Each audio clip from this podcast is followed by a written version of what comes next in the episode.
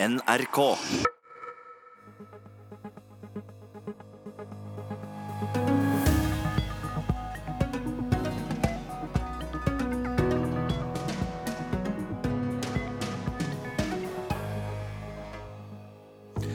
Det finnes ikke lenger tsarer i Russland, men vi har Vladimir Putin, av noen kalt verdens mektigste og farligste mann. Andre derimot mener han er mannen som reddet Russland fra ruin. Og så skal du få møte Putins eh, favorittband. Vi ber alle våre gjester om å krysse av på en liste hvem de tror vinner VM. Så langt leder Tyskland klart, men flere har også tro på Brasil. To meganasjoner i VM-sammenheng. I forrige fotball-VM, i 2014, på hjemmebane, så rakna det likevel totalt for Brasil. Og den historien får du også i løpet av den neste timen.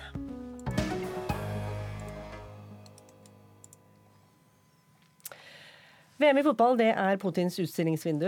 Han ønsker å gjenreise Russlands storhet og bruker tilsynelatende alle metoder han har for hånden, og overskriftene fra Russland har de siste par åra vært preget av giftdrap, trollfabrikker, doping og våpenkappløp. Men er det riktig at Russland ønsker å splitte Europa, som mange har uttalt? Og i så fall, hva er det egentlig Putin ønsker å oppnå? Julie Wilhelmsen, du er seniorforsker ved Norsk utenrikspolitisk institutt. Eh, har vi grunn til å frykte Russland? Eh, ja og nei. Jeg tror det er viktig å ha for seg at det prosjektet, som er Putins prosjekt, å gjøre Russland eh, stort igjen, det var i utgangspunktet, og kanskje fremdeles, først og fremst et innenrikspolitisk prosjekt.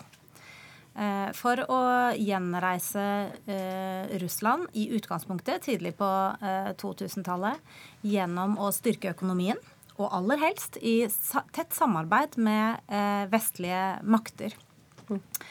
Så er det klart at det, Russland har jo vokst seg mye større og sterkere i løpet av de årene Putin har sittet ved makten.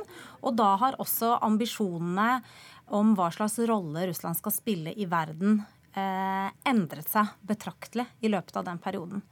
Eh, og det vi har sett, er at det fortelles en historie som til dels er riktig, hvor eh, Putin hevder at Russlands interesser ikke har blitt tatt hensyn til.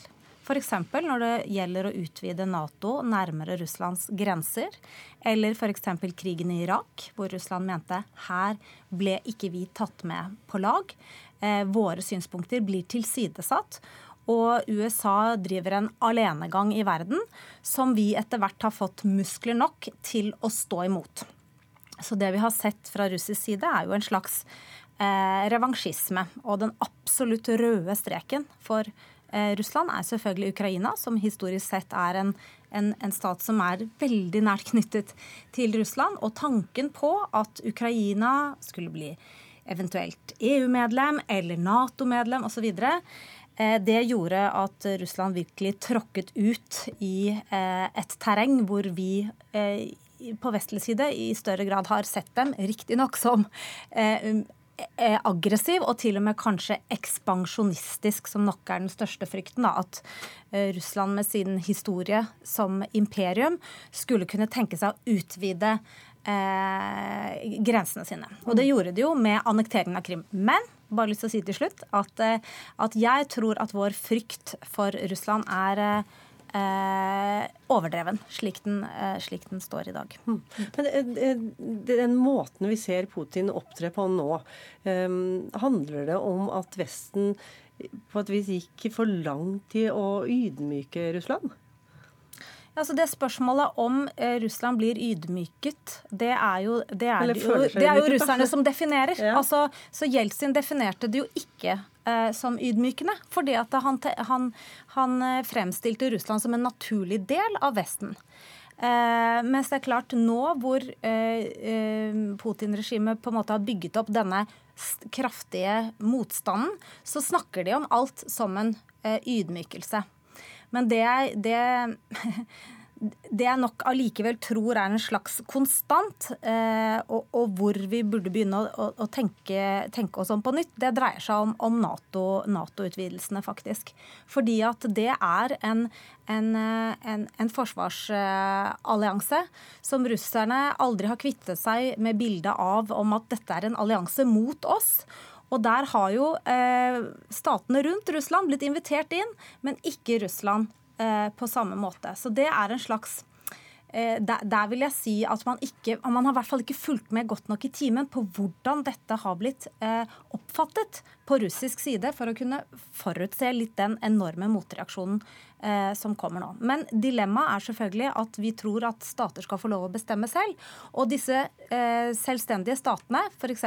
Ukraina, Georgia, Moldova, som har et ønske om å knytte seg til Nato, må jo få lov å ha det ønsket. Uavhengig av hva, hva, Russland måtte mene. Og derfor så, så, så tar man eh, hensyn til det. Mm.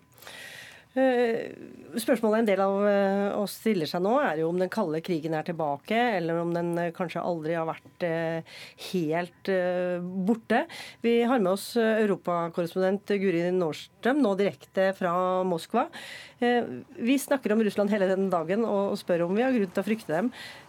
Det har blitt sagt fra flere hold at Putin ønsker å splitte Europa, Nordstrøm. Hvorfor skulle Putin ønske det?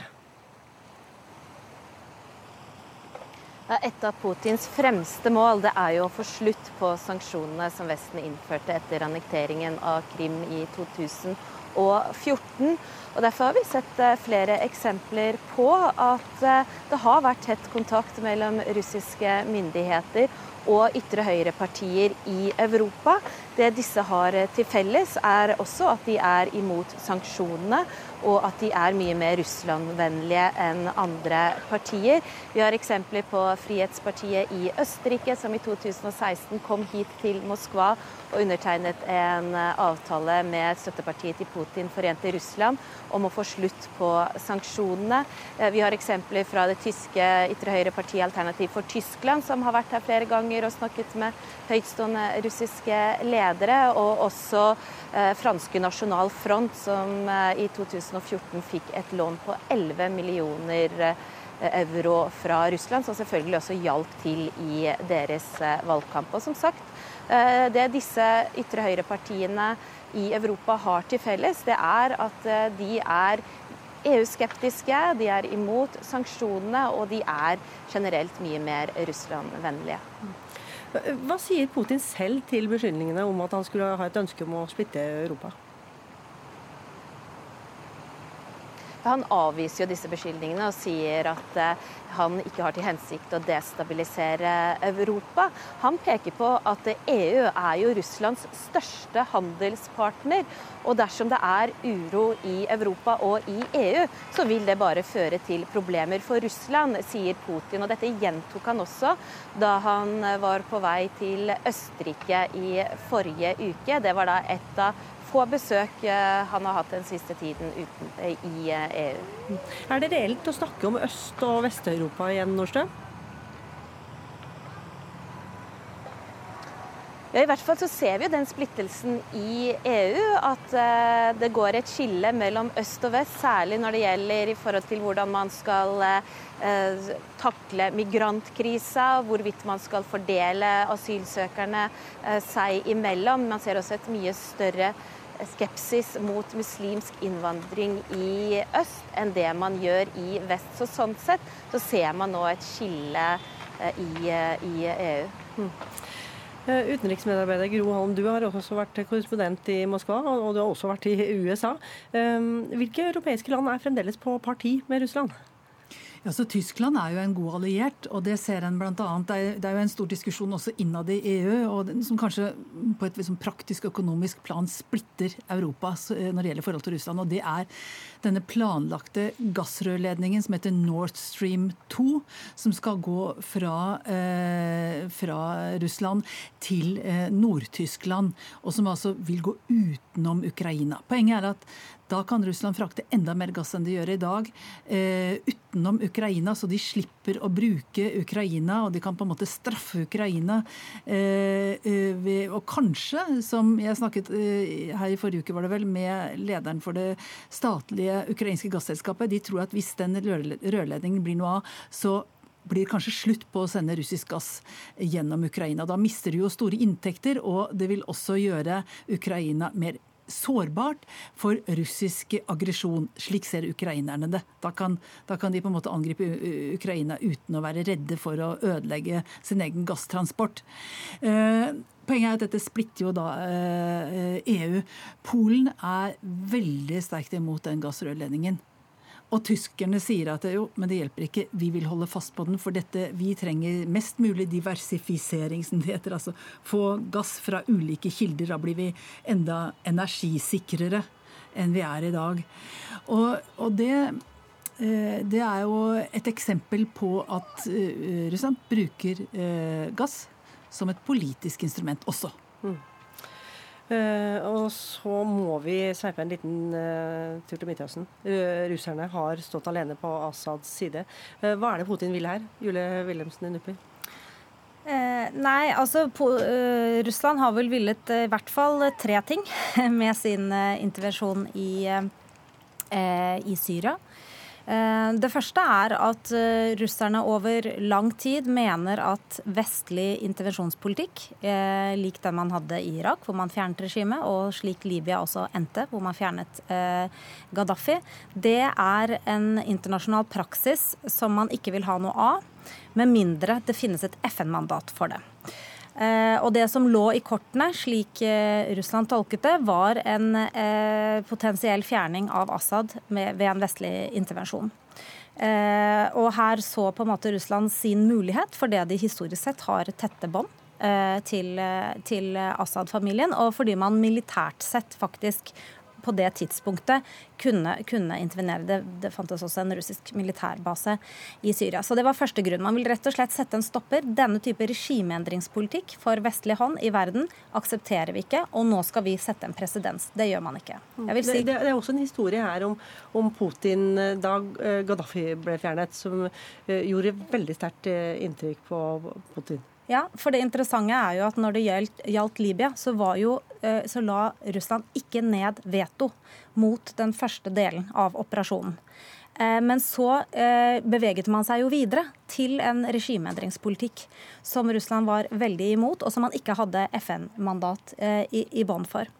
Eh, og det er klart at dette bildet av eh, Gaddafi som ble, ble lynsjet i, i, gatene, eh, og hvor opptakten, slik Russland forteller historien, er at USA er misfornøyd med det de kaller en autoritær diktator. Så støtter de da folkelige bevegelser som går med menneskerettighets- og demokratiparoler i gatene. Og sakte, men sikkert så får du også et påskudd til å velte denne, denne diktatoren. Dette er en politikk som eh, eh, eh, Putin både ikke har ønsket i verden, og som han nok har fryktet kan ramme ham selv. Fordi at kritikken mot Putins regime fra ca. 2003 og, utover, vil jeg si, altså fengslingen av Khodorkovskij, Eh, eh, har vært veldig eh, heftig. Altså dette, dette, denne vestlige ideen om at Putins regime egentlig ikke er legitimt fordi det ikke lenger er eh, demokratisk og, og, man ikke tar hensyn til menneskerettighetene. Så, så det har nok gjort, eh, vært en sterk si, personlig årsak til, eh, til, at Putin har satset så mye på dette. Den andre grunnen jeg hadde lyst til å si, som eh, gjelder eh, Russland i, i, Syria, det er rett og slett eh, kampen mot IS, kampen mot internasjonal terrorisme. For det på hjemmebane så har terrorismen vært den største sikkerhetspolitiske utfordringen for, for Russland siden Putin kom til til makten, var jo slik han kom til makten. Fordi han skulle bekjempe terroristene i, de såkalte terroristene eh, i Tsjetsjenia. Eh, Gro Holme, Russlands nye allianser eh, i sør og øst. Ønsker Russland en ny verdensorden? En andre internasjonale institusjoner enn det vi har? Altså, det har vært snakket om uh, ulike typer økonomiske unioner, tollunioner, uh, andre unioner, sikkerhetspolitiske fellesskap som på en måte skulle bli laget etter modell fra, uh, fra Nato, økonomiske laget litt sånn etter EU-modell light. Ingen av de egentlig fungerer. Altså det, er, det er ingen som, som, har virkelig politisk kraft utad. Og når det gjelder tollunioner og sånn, da er det noe som fungerer litt. Men det er ikke, det er ikke noe som kan måle seg liksom, med EU når det gjelder de, fri flyt av varer og tjenester og sånn. Det er ingenting som, ingenting som, har nådd den statusen. Og det skyldes eh, litt kan du si, litt sånn motstand fra dem som deltar også, men det skyldes også at russerne egentlig ikke har lagt den kraften bak som trengs.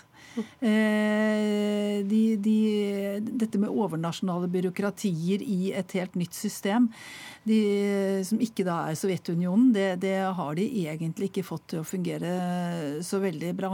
Men det Putin jo har klart, det er da også, lage, også sentralisere den russiske staten. Så de er det 88 eller 89 subjekter i Russland med administrative områder. Det er i hvert fall ulik grad av selvstyre på så mange nivåer. Og de hadde jo da Jeltsin styrte, så var det jo skatteparadiser internt i Russland. Det var tollmurer f.eks. på vodka fra andre deler av Russland. Det var skatteprivilegier for de som produserte gull og diamanter, sånn at de skulle, ikke skulle forlate Russland. Det strammet Putin til, og det tror jeg var helt nødvendig for å få Russland til å bestå. Mm. Og så til det som har vært den store fienden, da, USA. Eh, vi har med oss korrespondent Tove Bjørgaas fra Washington. Eh, hvordan ser amerikanerne på Russland i dag? Hva er ditt inntrykk?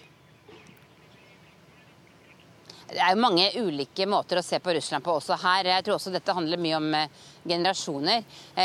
Eldre folk i USA vil jo huske den kalde krigen og, og er fortsatt litt eh, Med alt det som har skjedd de siste to årene, eh, altså kjenne litt på den stemningen igjen eh, nå som det er liksom mer mistro mot eh, Putins eh, regime etter valget her i 2016. Mens yngre folk eh, syns, tror jeg er mer sånn nysgjerrig på Russland og, og sånn. Men, men, det er klart, det som har skjedd her eh, med den valgkampen vi hadde, og, og den etterforskningen som nå pågår rundt hvilken rolle Russland spilte i, i, i valgkampen i 2016, det, det påvirker jo eh, dekningen av Russland og, og, også opinionen. Er følelsene fra den kalde krigen eh, tilbake igjen? Som jeg sa, jeg tror det er litt den der mistroen som, som, mange eldre amerikanere var vant til å føle på. Jeg har også snakket med mange nå i forbindelse med f.eks. disse skoleskytingene som har vært her. At eh, folk som er i 60-70-årene, de husker at de, eh, at de, gjemte seg i bomberom. At de hadde sånne bombeøvelser. At man gjemte seg for liksom, eh, å forberede seg på atomkrig her på på, på 60- og 70-tallet når de gikk på skolen. Og, da, og, da, tenkte man jo på russerne. Så, så når, når, de, når, sånne opplevelser huskes av folk, så, så er det klart at, det, at, da kommer kanskje noen av de følelsene tilbake når mistroen er der. Men, men, jeg tror som sagt også at, at, det er en veldig stor forskjell på, på generasjonene her. Men har synet på hvem som er Russlandvennlig endra seg litt? Er det på høyresiden vi finner de som er mest eh, positive til Russland nå? Eh, det, det, er jeg ikke så, så, sikker på. Det er jo veldig veldig mange på forsøk, altså Du kan også tenke på etnisitet her. Det er jo veldig mange som har emigrert hit fra Russland. Ikke minst mange jøder fra Russland eh, som har kommet hit. og Mange av dem hadde jo et problematisk forhold til russerne allerede da de, de kom hit. Eh, men jeg tror at eh, det som har skjedd sånn som med, eh, med valgkampen altså vi, det, det, det er jo Eh, det at, at, russerne forsøkte å, å, blande seg inn der og, og, og, og kanskje forsøkte å forstyrre da, eh, den demokratiske eh, valgkampen. Eh, det, det, er ikke noe folk tenker veldig mye på. Det er ikke sånn at veldig mange republikanere er, er veldig positive til russerne. Donald Trump har jo, eh, er jo på en måte mer opptatt kanskje av å provosere og vise at han ønsker å samarbeide med andre, og ikke bare USAs eh, mest tradisjonelle allierte. Eh, det er jo dette maktspillet, denne supermaktskrigen, som på en måte har gjort at Russland har, et helt spesielt, har en helt spesiell klang for amerikanere også i dag. Men jeg tror dette med, med tro og tillit og, og, på en måte de tingene kanskje er er det viktigste nå for folk. Og igjen at, at, de som er yngre, ser litt mer gjennom dette, men også ser at Russland i dag spiller en annen rolle her i landet, og ikke minst gjennom hacking og, og, og den typen ting. Hmm. Helt eh, kort til slutt, Tove Bjørgaas. Er amerikanerne litt redde for russerne? Jeg tror ikke de er redde for det militært i dag. Nå er man mer redde for som sagt, Når vi akkurat hatt et møte om Nord-Korea eh, og, og, den typen ting. Men, men, men eh, man, man, så jo eh, mange, man så jo hva, hva en russisk propagandakampanje kanskje gjorde eh, med da, det amerikanske demokratiet foran valget sitt. Dette landet er et land som nå er, er, er Demokratiet her er, er svekket nå. Det, det er problemer. Man vet ikke helt hvordan man skal håndtere eh, de sosiale mediene som amerikanerne selv har skapt, og ser at russerne kanskje klarer å bruke det på en annen måte. og Det tror jeg uroer folk eh, litt for framtida. Tusen takk til dere, Tove Bjørgaas, utenrikskorrespondent i Washington, USA. Til Julie Wilhelmsen, seniorforsker ved Norsk utenrikspolitisk institutt, NUPI. Guri Nordstrøm, europakorrespondent nå i Moskva. Og til Gro Holm, utenriksmedarbeider i NRK og tidligere korrespondent i Russland og USA. Nå skal vi til den russiske ambassaden. Der er det fest i dag. For Russlands nasjonaldag, det var i går, og i dag feires det altså på ambassaden i Oslo. På plass er vår kvinne, Anja Strøden. Hvordan er stemningen? Her har det vært eh, en fantastisk stemning. Det har jo vært nærmere 250 000 Nei, 250 000. Da hadde det blitt fullt. 250 gjester har vært på plass her. Eh, og det er jo en nydelig sommerdag. Teltet står oppe bak. Eh, folk har konversert, drukket. Og her har det vært folk fra kultureliten. Her har det vært forfattere, skuespillere, dansere. Finkulturen har vært på plass. Men nå skal de snart hjem og hvile seg for å forberede seg til en helt annen kultur. For nå skal vi jo snakke om fotballfesten som starter i morgen. Og da er vi så heldige at vi har fått med oss ambassadøren ute i hagen her. Da må vi jo spørre han på engelsk. Tomorrow is a big day for Russia with the World Cup starting. Are you excited? Well, of course, uh, many people in Russia are excited uh, uh, because it's the first time we have a World Championship uh, in football. And uh, it's a privilege and an honor because uh, we have to show whatever we can. Uh, not only, I mean, the facilities, the infrastructure, which have been improved because uh, nearly 12 stadiums have been constructed from the scratch or built uh, for this event. Um, and uh, plus, there will be festivals in all cities where the football championship uh, will take place, 11 cities. Uh, they are people of different uh, culture, of different religion uh, of Russia, and I think it's a good opportunity uh, in a very short period of one month to see the variety, the differences in Russia, the way we live, the way we dream, the way we love.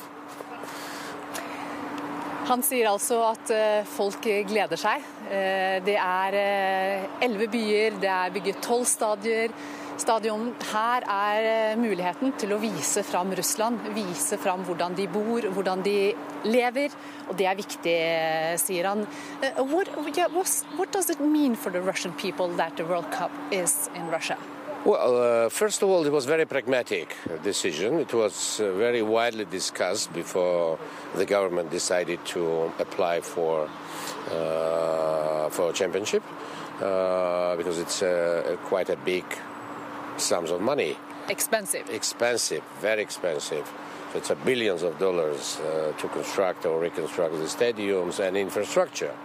But uh, the cities we selected were probably not all of them really a football uh, cities, but we wanted just to make possible people from regional cities to see such a big event, which they probably never will see, uh, never seen it. And second, uh, definitely we wanted to improve our infrastructure to make it more open and more, let's say, touristic uh, for uh, people from outside Russia uh, and for Russians as well to travel because many Russians did not travel all over the country because it's very big. I just have to translate a bit. Uh, han sier altså her, ambassadøren, at uh, de har valgt uh, ulike byer, og alle er ikke opplagte fotballbyer, men det er en god mulighet å vise fram Russland overalt til alle, og få de til å komme og se. Og ikke minst så hjelper det jo på infrastrukturen. Men nå må vi også inn på noe av kritikken. Og Mr. Ambassador, the World Cup has already created much debate uh, with accusation of corruption and uh, human rights violations. What are your thoughts about that? Well, uh, there were cases of corruption uh, in the course of preparation. Of course, definitely they were uh, related to uh, construction uh, contracts, which were multi-billion, and of course there are many companies which wanted to uh, to make extra money. well, but there were many criminal cases initiated, and many big businessmen are unfortunately uh, sitting in the prison or awaiting for the uh, court proceedings. So many cases have been really investigated for corruption. So this is the facts, and uh, FIFA, as you understand, would never allow the championship to take part if all obligations of Russia were not carried out. Han sier altså at eh, ja, det har vært mye korrupsjon, og mange sitter nå bak eh, lås og slå og blir etterforsket, for Fifa ville jo aldri godkjent at det skulle vært en sånn form for eh, korrupsjon, mener ambassadøren. Uh, do you like football? Yeah, personally, I like very much. Yeah, I like very much. I was uh, playing football until I was 16, 17, but then Uh, I decided to join the university, and my professional football career stopped at very early stage. And tomorrow? The most popular game in Russia, anyway. And tomorrow is the opening match yeah. Russia versus Saudi Arabia. Saudi Are Arabia. you going to watch? Yes, definitely. I think most of Russians will watch, especially, I think there will be very beautiful uh, opening ceremony. And I suggest everyone uh, to start this prior to football event. So. Thank and, you. I Thank invite you so all the much. regions to, to join uh, Russians uh, Russians joy in welcoming the World Football Championship. Thank you so much, Mr. President, Mr. Ambassador. Og takk til Anja Strøden eh, nede fra den russiske ambassaden. Eh, folk som følger sendingen på nett eller TV, har eh, sett at kanskje noen av gjestene våre stimler sammen foran særlig ett kamera. Der tipper de på hvilket lag som måtte vinne fotball-VM. Avspark i morgen, altså. Brasil er det eneste landet som har deltatt i samtlige VM-sluttspill, og Brasil er også landet landet med flest VM-titler. Likevel så er det én ting som plager den stolte fotballnasjonen. De har aldri vunnet tittelen foran sitt eget publikum, og NRK Sportens Arild Andersen tar oss nå tilbake fire år. Semifinalen i VM 2014. Brasil skulle endelig riste av seg sitt nasjonale fotballtraume. Det som strakk seg over 60 år tilbake, til den 16. juli 1950. Dagen da Brasil egentlig skulle ha vunnet VM på hjemmebane. Foran minst 160 000 tilskuere på Maracana, lenge den største registrerte samling av mennesker på et enkeltarrangement, skulle Brasils bejublede lag bare slå Uruguay. Men der andre lag i turneringen hadde gitt etter for trykket fra publikum, holdt Uruguay stand, selv om de kom et mål under. De snudde kampen og skapte tidenes fotballtraume i Brasil, så sterkt at de bl.a. byttet ut sine hvite landslagsdrakter med de gule vi nå kjenner.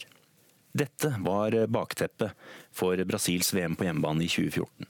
Og selv om de kom med et lag som ikke nødvendigvis var av beste årgang, ble manuskriptet for suksess fulgt, med ett dramatisk unntak. I kvartfinalen mot Colombia ble lagets store stjerne Neymar båret av banen med en skade i ryggen. For ham var mesterskapet over. Da brasilianerne marsjerte ut til semifinalen mot Tyskland, bar spillerne med seg Neymars drakt. Det kunne tolkes som et symbol på samhold, men i fotballnasjonen Brasil, med så mange spillere i verdensklasse, var det ikke da noe underlig å legge så mye vekt på én manns fravær fra én kamp? Og Da kampen startet, var det ikke lenge den kunne kalles en fotballkamp. Tyskland gjorde fire mål i en surrealistisk sjuminuttersperiode og ledet 5-0 etter første omgang. Det er sånn som kan skje i Norway Cup, ikke semifinalen i VM. Var det Neymars fravær som lammet Brasils spillere, eller var det spøkelset fra 1950 som tok dem da suksessen på hjemmebane var så nær? Det vet vi ikke. Det som står igjen, er bare tørre kampfakta. Da dommeren blåste av, hadde Brasil tapt 7-1. Deres største tap siden 1920. Tyskland spilte finale mot Brasils nabo Argentina, og vant. Brasil må antagelig vente nye 60 år før de får sjansen til å vinne på hjemmebane. Sa Arild Andersen, og på vår noe uhøytidelige tippekupong utenfor studio så ligger Brasil veldig bra, men det gjør også Tyskland, og faktisk har Russland også fått noen stemmer. Fotballnasjonen England null. Vi skal nå over til uh, Russlands uh, sterke mann, Vladimir Putin. Han var russisk spion i 17 år før han gikk til politikken. Siden han ble president i 2000 har han gjort det han kan for å holde på makten.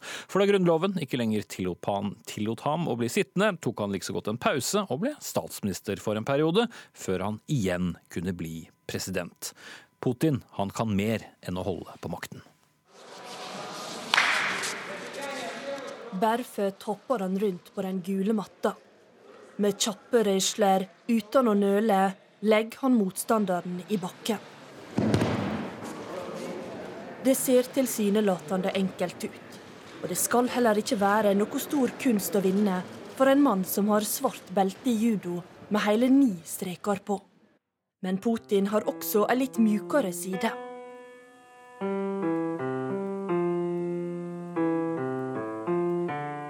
Under et arrangement i St. Petersburg i 2010 gikk han sjøl på scenen for å spille og synge. I found my thrill on Blueberry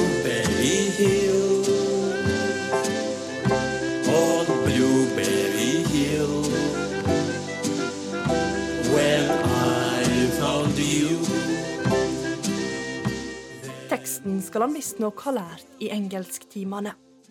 Det er et språk vi ikke hører han snakke så ofte.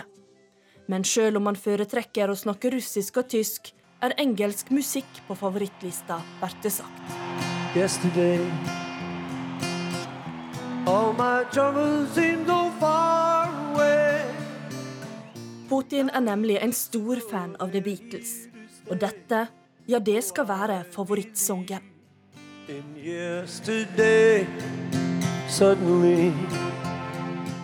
I Russland er Putin blitt en populær mann og noen kvinner har et litt spesielt øye til han.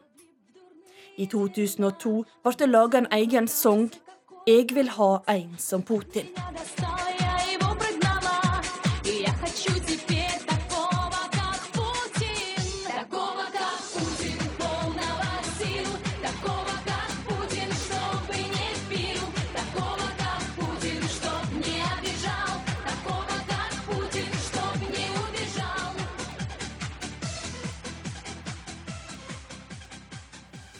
Ja, Det var noen av de mer ukjente sidene ved Vladimir, Vladimir Putin, det, laget av Marte Halsø. Og med oss i studio nå har vi Jenny gjeninntreden Gro Holm, kollega i utenriksredaksjonen og tidligere korrespondent i Moskva, igjen Julie Wilhelmsen ved NUPI, og nå ny i panelet Bjørn Nistad, doktor i russisk historie og Putin-biograf. Begynner med deg, Gro Holm. Du har jo møtt eh, Putin. Hvordan var det å stå ansikt til ansikt med ham? Ja, jeg har møtt han ved to anledninger. Det ene var når han var her som statsminister høsten 1999. Da intervjuet jeg han først, jeg tror det var på Grang, og så eh, sto jeg rett overfor han på Oslo rådhus. Da fikk vi ikke lov å stille noen spørsmål. Det var bare forbeholdt russiske journalister. Og, og, så intervjuet jeg han den dagen han var valgt som president i eh, mars 2000. Da han, fikk lokket han bort til meg utenfor valglokalet, og da var han jo strålende blid og glad og sånn. Men eh, det jeg husker aller best av dette er, det er egentlig da jeg sto på rådhuset og jeg ikke fikk stille spørsmål. Jeg sto ja, 70-80 cm fra han eh, i 40 minutter og prøvde å få øyekontakt, og det var helt umulig. Han så ikke på meg. Og jeg så på kroppsspråket hans, jeg tenkte jeg får jo studert fyren, da. Eh, han sto der med hendene rett ned og knøt, altså knokene var nesten hvite, og knøt og slapp dem litt opp. Knøt. Eh, og, og jeg tenkte dette er en fyr som er opptatt av kontroll. Han var ikke veldig trygg på seg selv, hadde mer rynker den gangen enn han har nå, før Botoxene. uh, og jeg tenkte at dette er en fyr som er vanvittig opptatt av kontroll. Mm. Eh, altså, det er jo mann eh, ingen har noe likegyldig forhold til, eh, tror jeg. Hvis vi skulle bare ta en liten kort runde rundt bordet, eh, hvordan skal man beskrive ham med ett eller to ord? Hva er det første du tenker på, Gro? Jeg ville si kontrollfrik. Ja, Julie? Jeg ville si eh, strategisk. Ikke så opptatt av eh, hvilke midler man kan ta i bruk for å nå målet. Mm. Og Bjørn Nistad? For to ord. Det ene patriot, det andre pragmatiker. Mm. Ja, og Du ga da ut uh, boken uh, 'Putin, Russlands redningsmann', som du har med deg her. Uh, som er da en politisk biografi. Og Den tittelen mener du altså bokstavelig. Hvordan er det han har reddet Russland, slik du ser det? altså Da Putin kom til makten i 2000, så, så var Russland rett og slett i oppløsning. Altså Staten hadde brutt sammen, det var krig i Tsjetsjenia. Eh, gamle mennesker fikk ikke pensjon, folk forsøkte å selge arvesølvet nær sagt på T-banestasjonen. Altså, det, var totalt forfall, oppløsning. Og i løpet av forbausende kort tid klarte Putin å gjenreise den russiske staten. Han slo ned opprøret i Tsjetsjenia. Eh, Russland klarte igjen, eller i hvert fall begynte igjen, å forsvare sine utenrikspolitiske interesser. Og jeg mener det er ikke tvil om at basert på hva denne mannen har gjort, så kan du sammenligne ham med personer som Churchill, de Gaulle, Konrad Adenauer. Mm. Hva tenker dere andre? Julie Wilhelmsen, det er jo den sterke mannen som uh, han alltid betegnes som. Nei, jeg tenker kanskje jeg skal komme litt tilbake til eh, poenget mitt. da, og Siden Bjørn nevnte krigen eh, i Tsjetsjenia, så er jo det et veldig godt eksempel på ja, han klarte å definere Tsjetsjenia utvetydig innenfor Russlands eh, grenser.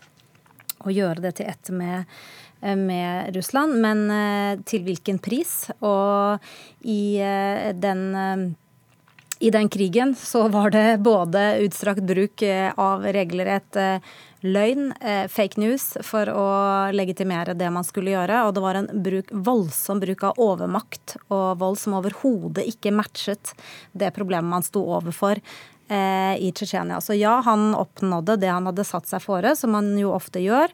Men eh, metodene er veldig veldig problematiske og sier mye om han. Mm. Gro jeg eh, la vekt på kontroll i stad, og jeg mener det har en positiv og en negativ side. Det, det var, jeg er helt enig med Nistad i at det var en nødvendig sentralisering som skjedde fordi det hadde gått i oppløsning. Jeltsin hadde nesten opptrådt som en føydalherre som ga de uh, ulike subjektene uh, rundt omkring i Russland veldig stor grad av frihet, for stor grad av frihet at det, at det, kunne holde sammen som en stat. Eller det var i hvert fall en risiko for at dette ville rakne.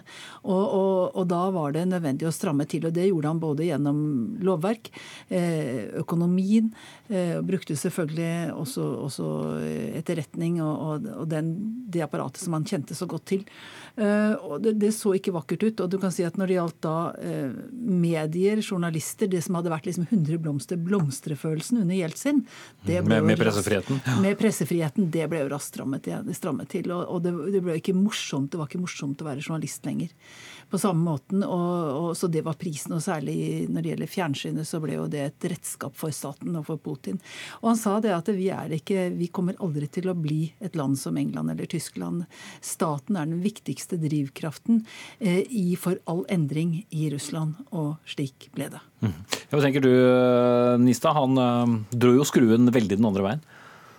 Jeg, jeg mener det var nødvendig å dra skruen den andre veien. Altså, oligarken hadde tiltatt seg makten på 90-tallet, og det var nødvendig å, å, ta den tilbake til, til folkevalgte politikere.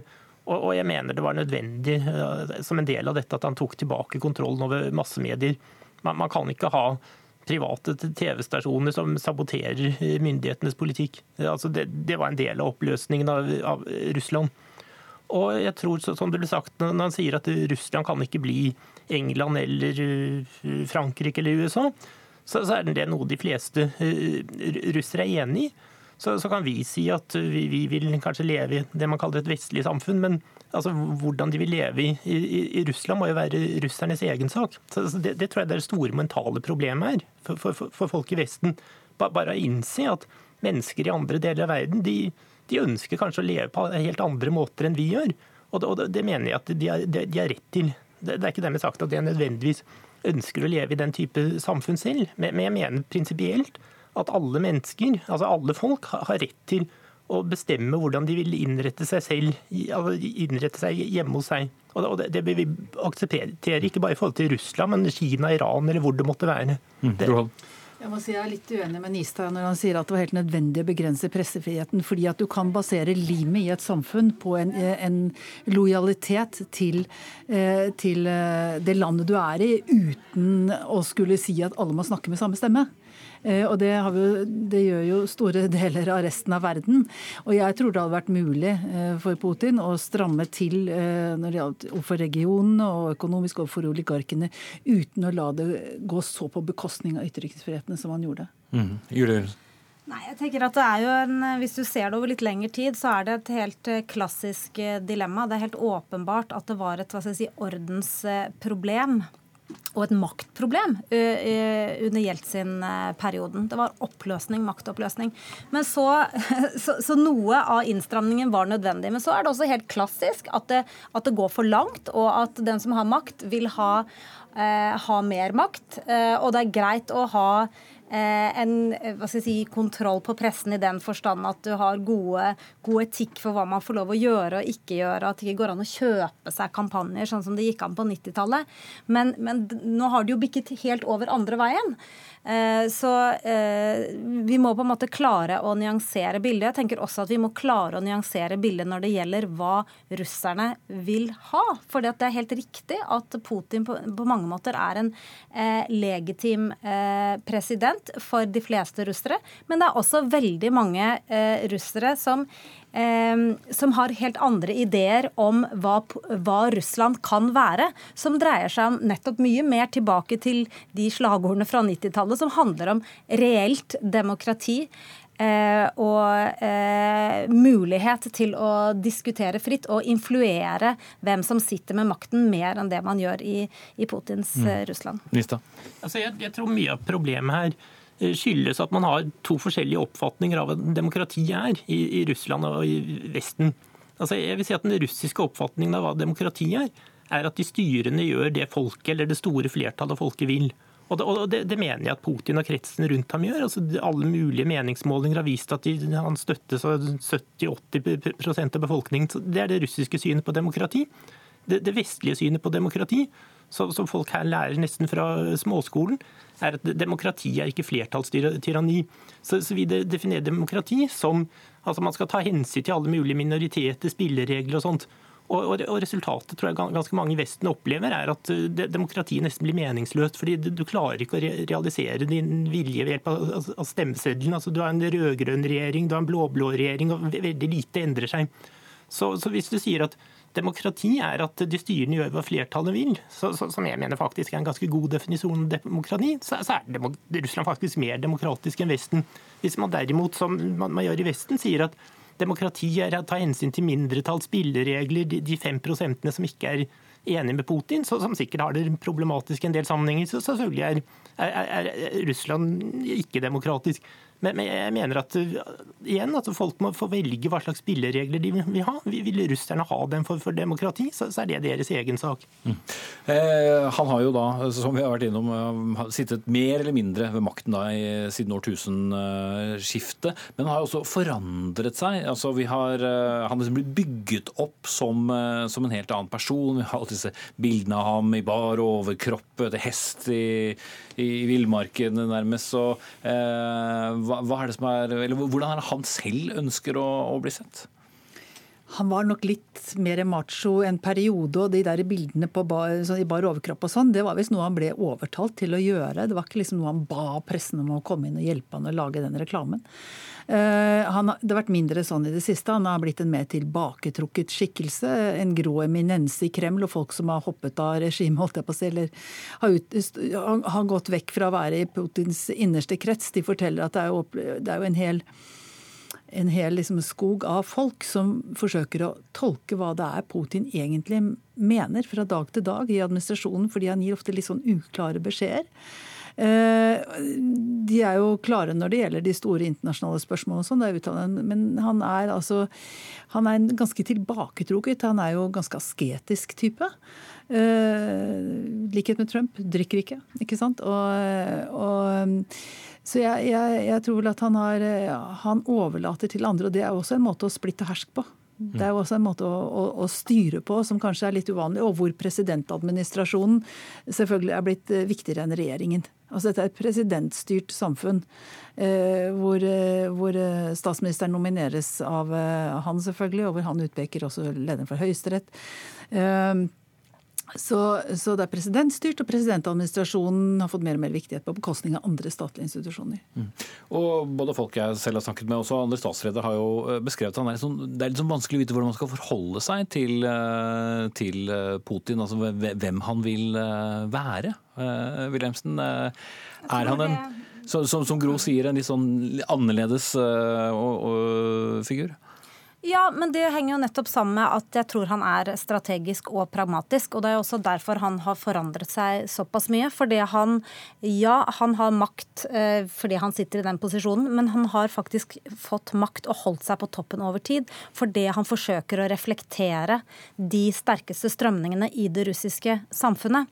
Eh, derfor så er f.eks. Eh, sånn nasjonalisten Putin, altså hvis du leser Putins retorikk fram til eh, omtrent 2012, så er det faktisk veldig, veldig lite russisk, nasjonal, russisk nasjonalistisk innhold i retorikken hans. Så fra 2012 så endrer det seg ganske markant hvis du ser på talen hans. Og det er jo nettopp fordi at da har du hatt demonstrasjoner i store russiske byer for første gang den høsten 2011. Og noen av de viktigste parolene i de demonstrasjonene var har faktisk altså, mer nasjonalistisk tankegods. Og Det viste også meningsmålingsundersøkelsen helt tydelig på, den, på det tidspunktet. Det er nasjonalistiske strømninger i den russiske befolkningen. Og da løfter han jo opp den fanen. Og når du hører ham tale i forbindelse med annekteringen av Krim f.eks., så er det jo nasjonalisten Putin som snakker. Og så, jeg, så, så, har det endret seg igjen, og det har folk ikke helt fått med seg. For vi fortsetter å, å snakke om Putin som en sånn typisk russisk nasjonalist. Jeg vil jo si at veldig mye av det han sier Jeg leste akkurat en, en tale i går hvor han, hvor han sier vi er hvis Man bruker ordet multikulturell eller multinasjonal eh, nasjon. Og det er selvfølgelig fordi han vet han forsøker å forvalte hele den russiske føderasjon, med sannsynligvis noe sånn som 20 millioner muslimer. Eh, og han skal favne om han skal på en måte, ja, han skal favne om hele den befolkningen. Så Sånn sett vil jeg si at det, det er litt vanskelig å, øh, å, øh, å, uttrykke akkurat hvem han er. For det han driver og skifter litt kappen etter vinden, for å si det sånn, for å holde seg øh, ved makten. Mm. Veldig kort til slutt, Nista. Hva tror du han selv ønsker å la stå igjen etter seg? Jeg tror han ønsker å bli stående som den som skapte et eh, moderne, eh, velstående Russland med en godt eh, utdannet, aktiv sivilbefolkning. Og, og, og, selvfølgelig ønsker han å bli knyttet til Krims gjenforening med, med Russland. Og det kommer til å bli stående. Det er kanskje det viktigste. Mm. Takk til Bjørn Nistad, doktor i russisk historie og Putin-biograf. Julie Wilhelmsen, russlandsforsker ved Norsk utenrikspolitisk institutt, og utenriksmedarbeider Gro Holm. Vi er eh, to tredjedeler inn i eh, vår russlandsmaraton, vi, og har snakket mye om det som har vært, og om mange eldre menn. Men hva med de unge russerne som lever i dag? Hva hører de på? Hva leser de, og hva snakker de om? Og så er det en ting som veldig mange unge russere lever ånde for, ja, så er det idrett, og det er lite som henger så tett sammen i Russland som nettopp sport og politikk. Masse mer eh, Russland. Nå skal vi aller først eh, ha Dagsnytt, og det i fem minutter. Så ses og høres vi etter det.